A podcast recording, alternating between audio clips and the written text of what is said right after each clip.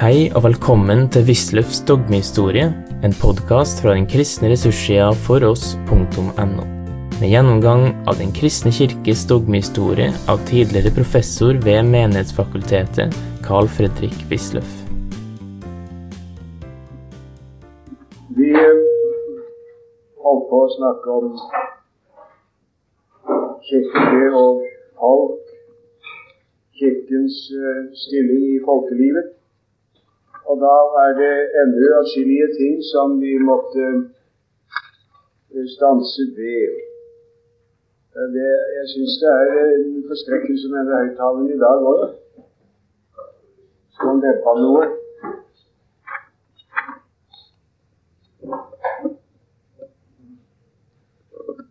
Skal vi prøve om, hvordan det, om det blir bedre? Er det bra nå?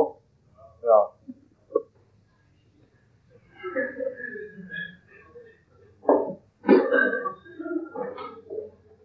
Sier eh, noe av det som er veldig viktig, der, er forholdet mellom Kirken og, og folkelivet. Det er jo moralen, naturligvis. Den alminnelige moral. Og jeg vil gjerne peke på den moraldebatt som har kommet gang på gang. Det kan ikke bli behandlet eh, fullstendig selvfølgelig innenfor rammen av en generell kirkehistorisk fremstilling men det hører absolutt med. På side 291 og utover har jeg noen betraktninger om dette. Eh, det er eh, helt klart at i eh, den første delen av vår her aktuelle tidsperiode så var moralen stadig oppe til debatt. En kan tenke på, en kan tenke på voldskampen i 1870-årene og især 1880-årene i det hele tatt, med en realistiske diktning med eh, Ibsens, Kiellands og andres angrep på den offisielle moral. Jeg har skrevet litt om det på forskjellige steder. Eh, vi kan tenke på eh, en sånn ting som at bøker kunne bli konfiskert av politiet og Eh, forfatterne bøtelagt, eh, sånn som det hendte i begynnelsen av vårt, i vår periode med boken fra Kristiania-bohemen. Det er jo forholdsvis eh, utenkelig nå, må en si. Jeg vet ikke hva som skulle til før offentligheten reagerte på den måten. Men her skjedde det da i hvert fall. Det er, en, det er altså en, et forhold som vi der ser tydelig det er at den offentlige moral antas å være kristendommens moral. Sånn hadde det vært meget lenge. Det var det offisielle standpunkt. Nå er det jo slik at det, eh, den faktiske moral er et eh, Ja, jeg har sitert der på side 292 noe som jeg fant hos Eilert Sundt. Eh, jeg syns det var veldig godt sagt når han sier dette at den sedelige tilstand i et land er en hemmelighetsfull verden hvis sammenheng og eiendommeligheter såre lett unndrar seg vårt blikk. Det er så sant som det er sagt, vi vet ikke så forferdelig mye om det. Og f.eks. en eldre generasjons uh, betraktninger om uh, ungdommens moral er ikke alltid så veldig godt fundert.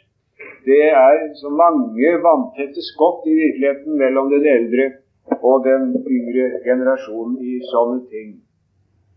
Eh, vi vet allikevel nok til å kunne fastslå at eh, om, kristen, om, kristendommens moral har vært samfunnets offisielle moral, så har det selvfølgelig aldri vært eh, gjennomført. Ei mange bruder fremkomme som jo ære besvangrede, sto det, sier Skipsstjernen. Det lykkedes meg ikke å få det filologisk korrekt, for Setteren og trykkeriet nektet absolutt å gå med på at det gikk an å snakke sånn som man altså allikevel gjorde i 1714. Det står jo det Ei mange bruder fremkommer som jo ære besvangre dem. Setteren insisterte på at det skulle stå ei to ganger, og det står det da. Vi forstår kanskje bedre på den måten. Forholdet er i hvert fall eh, slik og også den gang klaget prestene over at offiserene bannet så fælt på Moen. De sier, står det, sier øh, Syvstjernen, at kommandoord kan ei have fynd uten medfølgende ed. Så det har vært litt forskjellig i så måte også tidligere. Men eh, når vi så følger debatten utover, da kommer jo merkelige ting for en dag. Jeg har tatt med her i dag ned den artikkelen av Ferden som jeg har pekt på bare i korthet, fra 1884 i luthersk ugeskrift. Der, der skriver uh, Michael Ferden om, um, om eh, kvinnespørsmålet. Og uh, Michael Ferden er en meget dyktig skribent, en meget kunnskapsrik mann og en eiendommelig skikkelse som jo snart, håper jeg, må få sin, sin biograf. Han begynte som en uh, ultrakonservativ teolog. Han utga sammen med Høek luthersk ugeskrift. Og etter at Høek hadde trukket seg tilbake fra redaksjonen, fortsatte han det i atskillige år alene. Han svinget etter hvert teologisk ganske over til en annen fløy.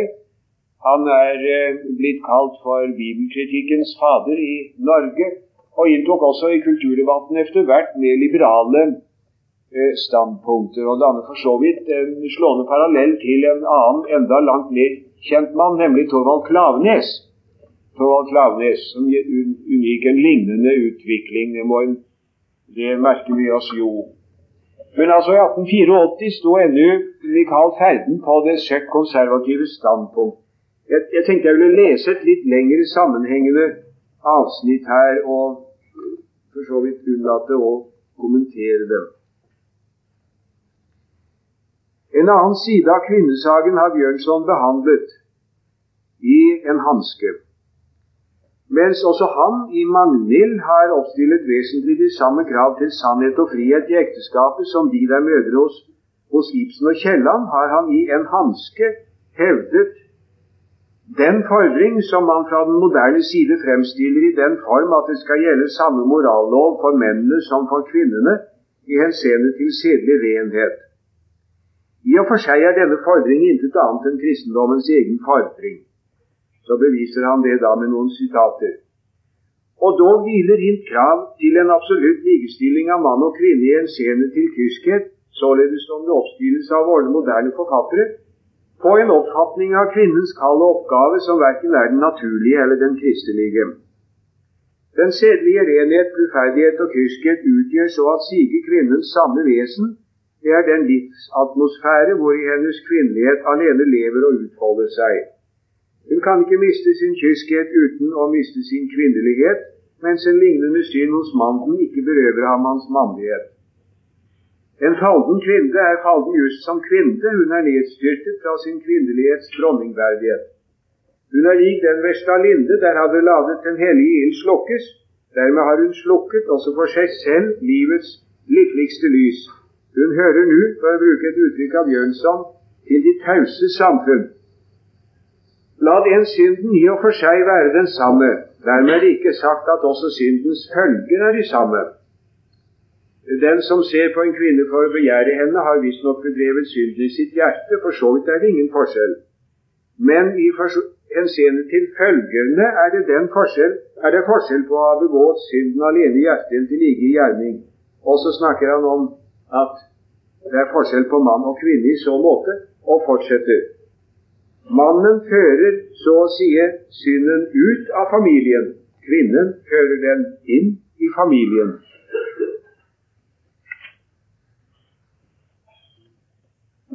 Det er best å ikke kommentere den. Det er best å ikke kommentere den. Vi drar på, vi drar på en del ting i moraldebatten uten all tvil. Eh, det som var foranledningen til Ferdens eh, lange artikkel, som gikk i fire nummer av eh, ugeskriftet, var et forslag, lovforslag av Oftedal og Jakob Sverdrup, som gikk ut på å forplikte barnefaren til økonomisk ansvar for et utenomekteskapelig barn. Det ville altså da Ferden advarer imot, som etter ville ha leie følge for samfunnsmoralen. Vi drar på en del ting. Det er ikke noen tvil om det. Uh, uh, nå, her er jo oppfatningen forandret ganske sterkt. Da, også på kristelig hold, må man si. Men uh, det er også andre områder, og vi er inne på dette med, med abortus provocatus. Det har vært oppe gang på gang, og er jo aktuelt også i øyeblikket, som vi alle vet. Uh, bakgrunnen for det, den debatten i 30-årene er bl.a. det populært tidsskrift for seksuell opplysning som kom fra 1932 og utover under redaksjon av nåværende helsedirektør Carl E. Wang. Det hadde en eventyrlig opplag og ble lest vidt og bredt, og har nok sikkert betydd atskillig meget.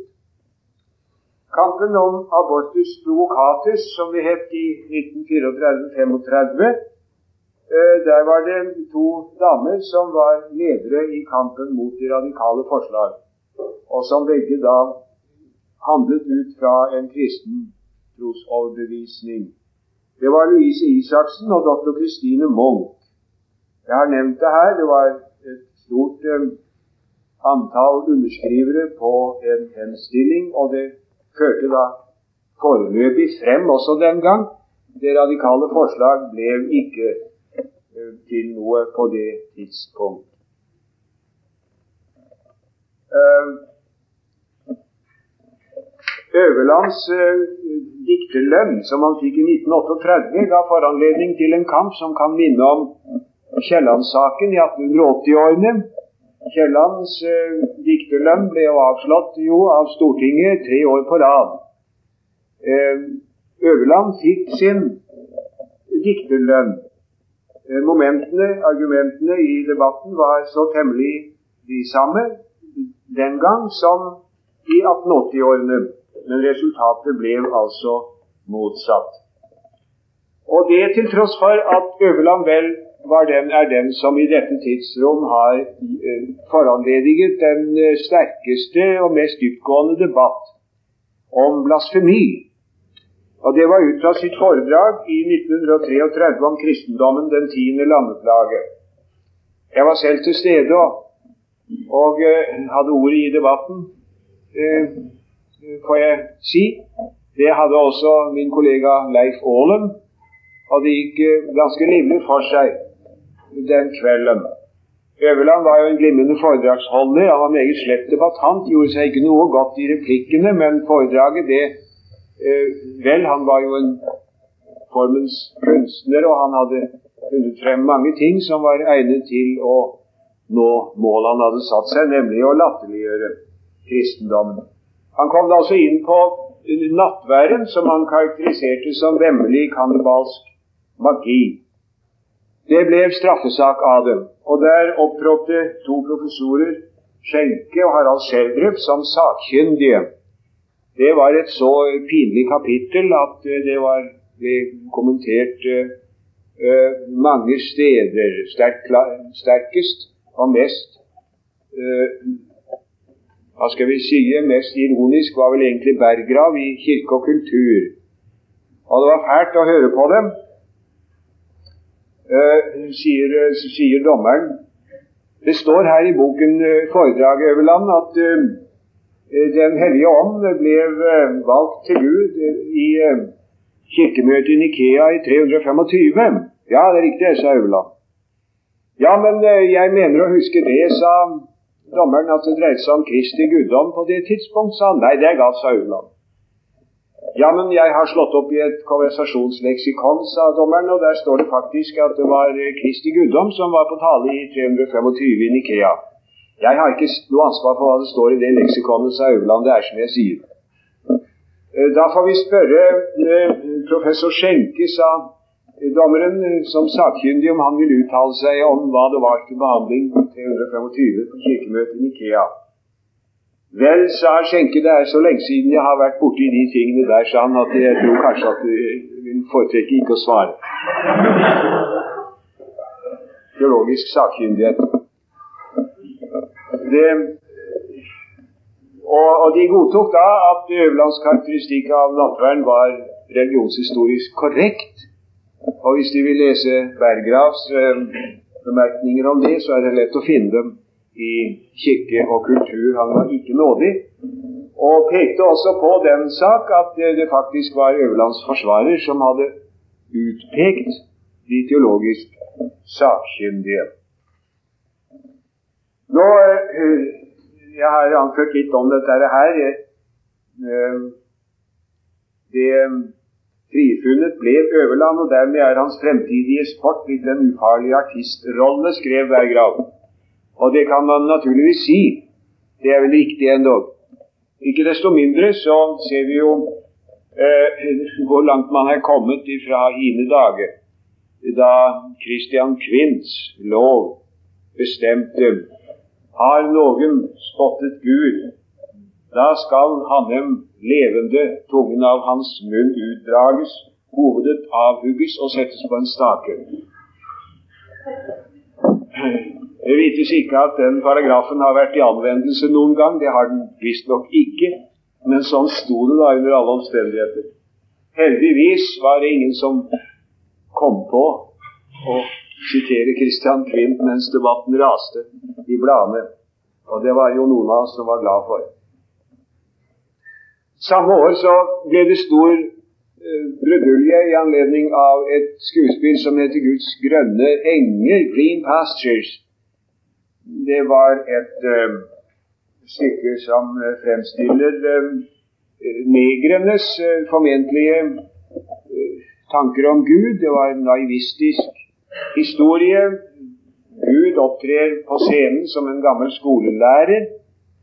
Og hans rådgiver og eh, man må nesten si onde samvittighet er profeten Hoseas, som informerer ham om hva menneskene har fore, og samtidig legger inn et godt ord for dem. Det vakte voldsom oppmerksomhet. Det var en, debatt. De kan vel nesten ikke forestille dem hva debatt det var. Eh, det var så voldsomt at Nationaltheatret oppførte stykket bare én gang for spesielt innbudt, og så tok det av repertoaret, hvilket førte til at teatersjef Halvdan Christensen trådte av. Eh, det var endog oppe i Stortinget. Det var endog oppe i Stortinget, den saken der, uten at det ble fattet noe vedtak i anledningen. Eh, senere så har det vært oppført her på Norske Teatret, hvis jeg ikke husker feil, uten at det var noen nevneverdig ting som ble sagt. Og langt krassere saker enn Guds grønne enger har jo senere vært ført frem på norske scener. Det hele er liksom nå så aldeles fjernet bort ifra en kristelig vurdering, og den kristelige opinionen så aldeles fjern liksom ifra hele dette området at man ikke hører noe mer om det.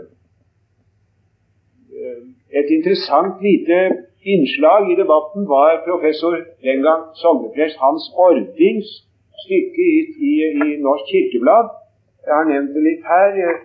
Ellers på side 296. Han skrev noen prinsipielle overveielser om billedforbudet, som han mente egentlig var galt at vi ikke hadde Eh, beholdt. Det var, mente Ording, i virkeligheten en del av det bud. Det er jo den reformerte oppfatning fremdeles. Og den sceniske fremstilling av Gud er overhodet uriktig. Og i et tilfelle som dette, hvor det er en sånn en lavtstående forestilling om Gud, primitiv forestilling om Gud, dobbelt forkastelig. Det er et uh, samfunnsbilde, kulturbilde, hva de vil, fra 30-årene, det der. Man uh, skal merke seg det. Uh, det. det. virker så fjernt. Er ikke fjernere enn at for min del var nå ordinerte prest på det tidspunkt. Husker det særdeles godt om denne debatten. Min sjef, sogneprest Skybler, jeg var hans hjelpeprest i Vaterland var så lidenskapelig engasjert i dette at han, eh, han tok eh, nattoget til Stockholm for å, og ble over for å se det, og så nattoget hjem igjen.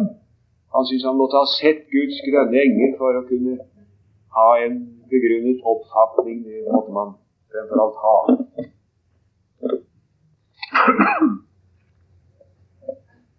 Um, det er um, Vi har vært inne litt på dette med nattverdsøkningen. Det nevnte vi et par sammenhenger her i går. Jeg vil eh, Nei, la meg forresten få runde av dette avsnittet aller først om um, denne blasfemiparagrafen uh, med å si at Stortinget forandret ordlyden på, på blasfemiparagrafen. Og etterpå så var de juridisk sakkyndige vilt uenige om hvorvidt den nå har blitt skjerpet eller svekket. Jurister er aldri enige om noen ting, sa Johannes Lavik i Dagen. Han skulle vite det, som selv hva kangur. Og i hvert fall så er situasjonen da den at man neppe kan tenke seg noe lignende brakt til anvendelse uh, senere. Kan nesten ikke tenke hva det som skulle være. Og dermed er vi ved noe som med all grunn bør oppta oss nå, og det er hva er overhodet Den kristne kirkes rolle i samfunnet når det gjelder moralen? Nå, Ganske nylig er det skjedd at uh, konkubinatparagrafen er fjernet. Det er ikke lenger straffbart i Norge at ugifte flytter sammen og bor sammen. Om noen tar forargelse av det, så har de ingen steder å vende seg hen til det offentlige. Eh, det er vel en god stund siden eh, den straffebestemmelsene som de straffebestemmelsene har vært brakt til anvendelse, men de sto nå der og var en påminnelse om at samfunnet egentlig bygger på en kristen betraktning når det gjelder ekteskapet og kjønnsmoralen. Nå er det ikke lenger så. Um, det kan gi foranledning til mange betraktninger. La meg bare nevne at det er et av de mange tegn på at den perioden som vi kaller den konstantinske kirkeperiode, definitivt er til ende. Han kommer aldri tilbake. Det er slutt på den tiden da Kirken øh, i grunnen ved sin åndsinnflytelse bestemmer hva som er samfunnets offisielle moral. Det, vi er på vei inn, eller er allerede, i den ordning som man har kalt for den ikke det kristne samfunn, men det pluralistiske samfunn, hvor alle skal leve i fordragelighet med hverandre, og hvor løsene er eh, fordragelighet og toleranse hvor eh, ekteskapet som institusjon er vesentlig svekket. Eh, F.eks. ved at eh,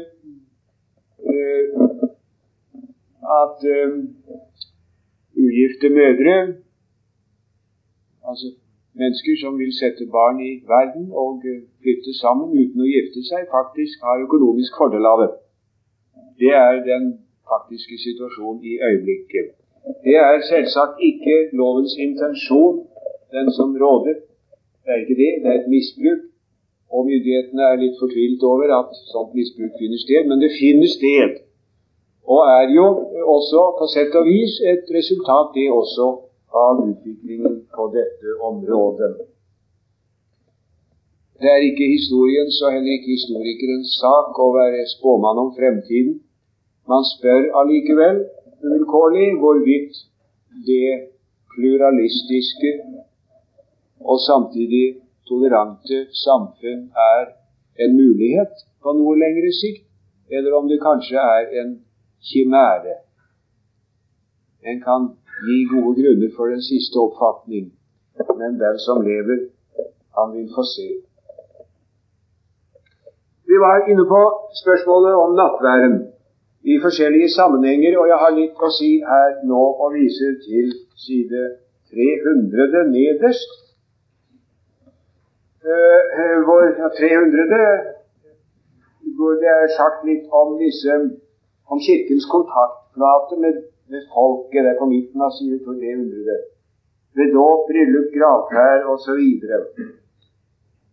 Det, det, det er jo faktisk så at alle folk har seremonier og ordninger som markerer folks eh, de, de viktigste avsnitt av livet. Et barns fødsel, overgang fra barndom til voksen alder, eh, ekteskap og eh, død, begravelse, for å nevne det viktigste. Alt dette er i alle kulturer markert ved seremonier og skikker som eh, til det spiller en ordentlig rolle for tankegangen. I tusen år har Den kristne kirke tatt hånd om dette for vårt folks vedkommende. Og enda er dette tilfellet i ganske stor grad. Dåp, bryllup, gravferd, det er enda noe som de aller fleste kommer bort i. Man burde vel være eh, klar over at det øyeblikk som Kirken mister denne funksjonen, så vil andre rykke inn på plassen. Og eh, hva vi da får, det vil man få se i, i det 20. århundret. Så vil det vel lett bli en eller annen politisk ideologi, skulle en tro, som overtar. Det har den da også gjort meget store deler av verden og også meget store deler av Europa, nemlig de kommunistiske land. Kirken kjempet i Øst-Tyskland drabelig for å beholde konfirmasjonen. Jeg var i Øst-Tyskland i 53 på en stort prestemøte som foredragsholder. Da hadde, de hatt, da hadde Kirken inntatt det standpunkt at de som uh, ungdommene som lot seg han som gikk til den såkalte uh, borgerlige, eller politiske, rettere sagt, Jugendweihe, de kunne siden ikke bli konfirmert eller på annen måte få Kirkens tjeneste. Det gikk nokså bra én gang. Én gang. Og siden har det ikke gått. Man har simpelthen måttet fallere. Talloppgaver har jeg ikke kunnet finne men jeg har underretning om at Jugendweihe deltar praktisk talt alle. I denne sammenheng må vi også se på dette med nattværen. I gamle dager så hadde man jo dette med nattvær som en plikt bent frem. Eh, går vi langt bakover, så bestemmer jo det fjerde laterankonsil i 1215 at det er plikt å nyte nattværen en gang for året etter å ha skriftet og fått absolusjon. Og i århundreter så var én til to ganger om året pliktmessig eh, nattverdnytelse. Eh, man skal ikke uten videre si at det bare var en skikk, hvor meget av ekte fromhet som der har vært i folket, er det ingen gitt å si. Gamle salmebøker som bærer merker etter flittig bruk, hvor man f.eks. kan se fingrene har stått akkurat der ved skriftebønnene for nattvær, taler vel kanskje sitt stille språk om at det tør ha vært mer av oppriktighet og alvor i dette enn man til dels har vært tilbøyelig til å tro. Eh, naturligvis det har vært en del uh, vanealtegang Prost Henrik Seip skriver eh, i den eh, meget interessante og morsomme samlingen som heter Norske prestegårder, Prestegårdsliv. Han skriver fra Åseral i 1880-90-årene, hvor han var vokst opp som en ungdom. Han skriver at uh, etter hans inntrykk så var det mye kristelig alvor. Men det var nok også, sier han, noen for hvem det å gå til alters var en temmelig tom skikk. Man kunne møte uttrykk for den betraktning at nå hadde man gjort unna hele høstvinda og hadde bare høstaltergangen igjen. Det kunne nok hende. Man skal ikke gjøre for mye ut av den betraktninga likevel. Nå er nattverden, eh, for å si det slik, de fleste har nå ekskommunisert seg selv. De som er døpt og hører til i Den norske kirke. De har ekskommunisert seg selv, går aldri til alters. Man legger ofte skylden for dette på ensidig påvirkning og forkynnelse både hos prester og ikke minst emissærer. Jonsson-prestene skal ha vært ille til å skremme folk fra å gå til alters uten at de var rett omvendt, heter dem. Det spørres allikevel, jeg sier det i medhold av Gulbrandsens undersøkelse, om man ikke her ser noe for ensidig på saken. Et moment av sannhet tør det allikevel være i det. Men den alminnelige sekularisering kan man ganske trygt gå ut fra har i så måte betydd ganske mye, mye mer. Kielland, Brandes, har betydd mye mer enn Gisle Jonsson i så måte. Det kan man trygt si. Men nå er det forbi altså med den tiden at de fleste går til alters en gang for året, og det er forbi også med den situasjonen som Hope klaget over i 1906 i sitt berømte nattverdforedrag, at det er så veldig, eh, veldig dyster stemning i forbindelse med nattværen. Eh, det er skjedd veldig mye i så måte. Og nå har en prest for ikke så veldig mange år siden reist spørsmålet om hvorvidt det kanskje er en ny slags vanealtergang som er i ferd med å utvikle seg. Jeg siterer biskop H.E. Wisløff den gang da dette ble skrevet, sogneprest i Markus menighet her i byen.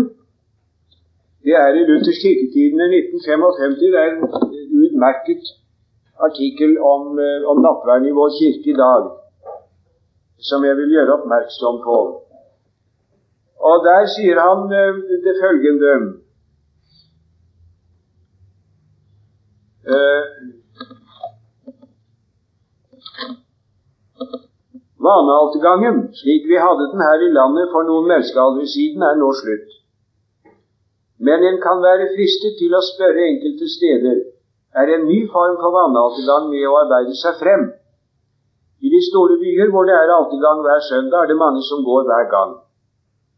Vi går også fordi alle de andre går, sa noen unge.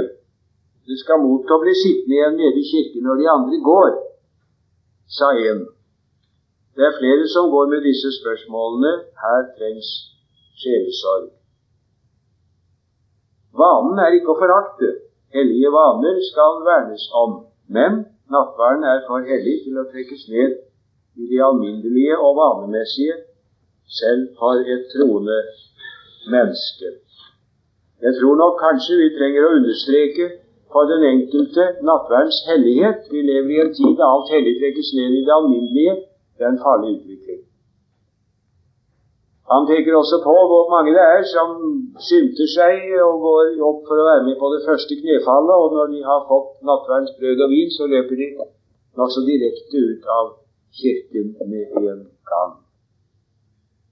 Ja, jeg antar nok at i en fremtidig undersøkelse så vil denne artikkelen måtte trekkes frem, og det spørsmål den har reist, kan vel knapt avvises uten videre. Eh, jeg ville også ha nevnt litt her om eh, de kristne skoler. Eh, det er et avsnitt her i boken, 'Fremstøt på skolefronten', sier 82 utover. En må jo reflektere over det som er så karakteristisk for utviklingen i vårt tidsrom, at det overhodet blir så mye tale om kristne skoler. Det jo, var jo tidligere enn side 82 det var jo tidligere en, en selvklar sak, uten videre selvklar sak, at skolene skulle være kristelige. De begynte jo simpelthen som, øh, som, som katekismeskoler. Folk skulle lære å lese sånn at de kunne lese i salmeboken og Bibelen. Uh, så ingenting er mer soleklart enn det at alle skoler skulle være kristelige skoler. Det er en side ved samfunnsutviklingen at dette med kristelige skoler overhodet kommer opp. Her skal vi merke oss et par ting. altså. Det første er den grundtvigianske impuls. Uten den grundtvigianske impuls ville dette ikke være kommet opp på det tidspunkt da det kom, i hvert fall. Det er helt sikkert. Det, det er Grundtvigs skoletanker som vi her har å gjøre med. Uh, Grundtvigs skoletanker er jo en kulturhistorisk faktor av aller, aller største betydning i Norden, og især i Danmark, og dernest etter i, i eh, i Norge. Sverige har det ikke spilt så stor rolle. Mennesket først og kristen så. Det er jo Grundtvigs ord. Eh, han understreker der at uh, et menneske skal bli vakt til bevissthet om sin eksistens som åndsvesen. Det skal en rent menneskelig oppvekkelse til. Og så etterpå skal den kristelige åndsdannelse komme. Sin eksistens som åndsvesen. Det skal en rent menneskelig oppvekkelse til. Og så etterpå skal den kristelige åndsdannelse komme. Eh, Gud er skaperen og forløseren, sier Grundtvig Jo. Skapelsen kommer før forløsningen. Det skapte er Guds. Og mennesket må være først vakt til oppmerksomhet, til klarhet over sin, sin uh, situasjon som et åndsvesen. Og der skal ikke minst fedrelandets historie brukes for å vekke ungdommen. Dette er jo en tid hvor allmennopplysningen selvfølgelig var mye lavere enn nå. Fedrelandets historie skal brukes. Og Grundtvig var jo svær til å tale om fedrelandets historie, en stor patriot, og, og brukte også den, old, den oldnordiske mytologi eh, til dette. Og da på en måte som eh, moderne religionsforskere ikke akkurat finner så forferdelig mye hjelp og rettledning i han. Idealiserte og, og eh, laget novellestoff ut av det. Men i hvert fall, dette er veldig viktig. Og så kom da høyskolebevegelsen til Norge. Herman Anker i 1864 Sagatun eh, ble den flyttet til i 65. Det var strid om disse skolene. De, Jonsson-pietistene likte ikke den slags skoler, og det er jo en beryktet episode at biskop Folkestad hadde lyst velsignelsen ved det første møtet der, som var på Saga tun. Det, ble da kjent, men beror forhåpentlig på en misforståelse, skrev uh, Jonsson i, i Luthers kirketidene. Det kom en rekke slike grundtvigske uh, folkehøyskoler, og uh, de fleste av dem, de eldste av dem, var jo ledet av den gamle type av grundtvigianere, som eh, til tross for Jonssons eh, mistanke vel faktisk må sies å ha stått klart og sterkt på den eh, felleskristelige grunn. Det tror jeg da tross alt man må si. Men så kom dette såkalte åndsfrihetsmøtet i 1886 hvor det viste seg at de unge grundtvigianerne inntok andre standpunkter. De var liberale i åndshistorisk forstand, og de var temmelig utflytende i kristelig forstand. Jeg har skrevet litt om det der.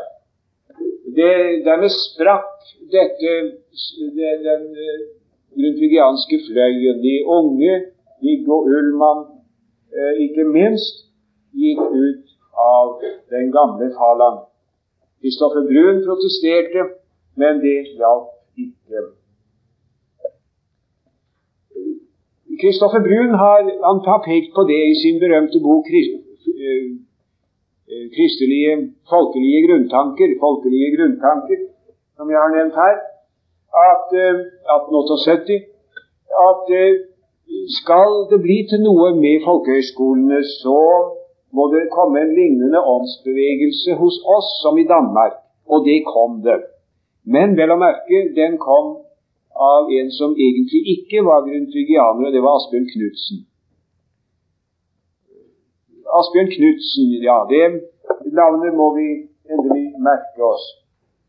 Han eh, var ortodoks luthersk i sitt grunnsyn, men han var misfornøyd med måten hvorpå Jonsson-teologene grep tingen an. Og han var samtidig også inspirert av de grundtvigske skoletanker. Og de kristelige folkehøyskoler eller ungdomsskoler som ble resultatet av Asbjørn Knudsens innsats, betegner for så vidt en syntese. De kristelige ungdomsskoler som vi har nå, 30 stykker omtrent er det vel, de ligger på Asbjørn Knudsens linje. Man tør vel si alle sammen. Jeg regner da altså disse som eies av kristelige organisasjoner, til dels i fellesskap. 30 stykker. Det er Deres åndspreg har vært og er, øh, skal vi si, gammeltroende. Det er øh, vår kirkes barnelærdom som er trosgrunnlaget. Det er jo helt klart og tydelig. Og det preget er endog i fleste tilfeller ganske sterkt. Tenker på disse skolene. Jeg er jo ledet av og tilhører Indremisjons- og misjonsorganisasjonene og står for det som disse står for i norsk kristenliv. Men samtidig så har de noe av det grundtvigske preg. Jeg har der gjennomgått uh, i de følgende sider dette om lærerskolen på Notodden og Volda. Og uh, ungdomsskolene der. Eh, de, de, de, ligger i forlengelsen av Asbjørn Knudsens innsats. Disse første lærerskolene, kristelige lærerskoler. Det var grundtvigianske lærerskoler før, men de var eh, gjennomgående av et annet åndspreg. Skolebestyrer Eftestøl og ikke minst øh, ikke minst øh, Georg Fasting, nevnt på side 90 og utover, var eh, av en mer eh, skal vi si, rasjonalistisk grunnholdning. Kritiske overfor den, vår kirkes barnelærdom og overfor bibelhistoriens troverdighet på mange punkter. Så der kom det ut altså en åndstype som var Jeg har sitert Eftestøl der på side 90, litt ovenfor midten en teologisk radikal lærertype som kom fra disse Seljord og Elverum osv. De tror ikke at Jesus er Gud, at menneskene blir rettferdiggjort på den måten som den augsburgske konfesjon og Pontoppidans forklaring forteller, sier Eftestøl. Imot dette reistes altså især lærskolene på Notodden og Volda. Man kan vanskelig overbetone eh, betydningen av disse skolene. Det var Bernt Støylen i, øh, på Notodden og Henrik Kårstad på Volda. Det ble sagt at Bernt Støylen han er noe mer kirkelig enn Kårstad på Volda, og det er formodentlig riktig. Men ellers er det veldig mye likt med dem. Og øh, merk dem kanskje det som jeg har skrevet nederst på side 87 og øverst på side 88 om Støylens uh, grunnsyn. Uh, man må først og fremst møte ungdommen med en varm, personlig kristentro, sier han. Men jordlivets mange oppgaver må ikke skilles fra kristentroen og betraktes som noe verslig. Skal legges vekt på det nasjonale, så det kan oppdras et lykkelig kristenfolk i dette land som Herren har gitt oss. Eh, det er jo de samme momentene, har jeg påpekt, som hos Grundtvig. Mennesket først og kristen så bare at uh, støylen, og det er nok ikke tilfeldig, setter momentene i annen rekkefølge. Først og fremst må vi møte ungdommen med en varm, personlig kristentro, og så kommer jordlivets oppgaver. Senere så har det jo kommet flere sånne skoler, med mange ungdomsskoler etter hvert. Det er vel nå 30, dvs. si det er vel flere. Det siste som er kommet til, er vel Rønningen, eh, som eies av eh, Ungdomsforbundet og Det Norske Misjonsselskap. Ellers er det jo alle de kristne organisasjoner med i dette, eh, oftest, tror jeg, i samarbeid for disse kristelige folkehøyskoler, som de heter nå igjen. Men la meg også peke på uh, uh, Kristelig gymnasium. Jeg har nevnt det på side 212. Det hører med å nevne også, også den. Det var uh, Hallesby som i 1912 1912 var et sånt år da mye ble startet. han tok til orde for at det skulle reises et kristelig gymnasium. Det var få gymnas i forhold til nå i Norge den gang. Et kristelig gymnas i Oslo det var et stort mål, og det klarte man da. Oslo lærerskole hører hjemme i samme eh, forbindelse. Jeg skal også peke på en ny sektor der. Det var Side 409 har jeg nevnt de kristelige landbruksskoler. Det var en tydelig sånn ansvarsvekkelse som fant sted i studentlagskretser i 1930-årene. Det begynte å bli mange etter hvert som hadde vært med på sommermøter osv. Og, og det førte til sterk vekst av Kristelig legeforening og dannelse av Kristelig tannlegeforening og lignende sammenslutninger. Og det førte også til at landbrukskandidater med kristelig, et kristelig grunnsyn var interessert i et tiltak også på sitt område. Så ble den store, gamle herregården tom eh, i Råde i Østfold til salgs. Og eh, Indremisjonsgeneralen Johan Martin Wisløff, som alltid var våken overfor muligheter som bød seg, han eh, slo til. Og de kjøpte denne store og verdifulle eiendom og gjorde den til en jordbruksskole. Senere er det kommet eh, av samme slag Gjennestad hagebruksskole, og uh, etter krigen og etter samme år også Lyngdal jordbruksskole, som eies av Vestlandsk Indremisjonsforbund. Altså, det er en linje i alt dette. Samtidig som samfunnets sekularisering går videre, ser vi at det spesielle kristelige tiltak reises og får støtte av store deler av folket som, som ser stort på sånne tiltak. Og her må det jo også nevnes um, de kristelige bladene, dagsavisene. Side 490 har jeg nevnt litt om det. Um, det var under krigen så mange store planer om tiltak. Og et av dem var Kristelig Dagsavis i hovedstaden. Man drømte veldige, veldige drømmer om det. Og det lyktes da også omsider å få realisert dette i august 45 kom Vårt Land. Da var allerede Det Kristelige Dagblad Dagen i Bergen eh, ganske til års kommet, det er fra 1919. Vi må se, mener jeg, hele denne utviklingen i sammenheng. Det er um, samfunnet som sekulariseres, det fjerner seg ifra, ifra det kristelige grunnlaget. Det blir et mer differensiert preg. Vi er på vei inn i det pluralistiske samfunn. Og så reises det da egne tiltak av kristelige skoler osv. Du har nå hørt Wisløffs dogmehistorie. Finn flere ressurser og vær gjerne med å støtte oss på foross.no.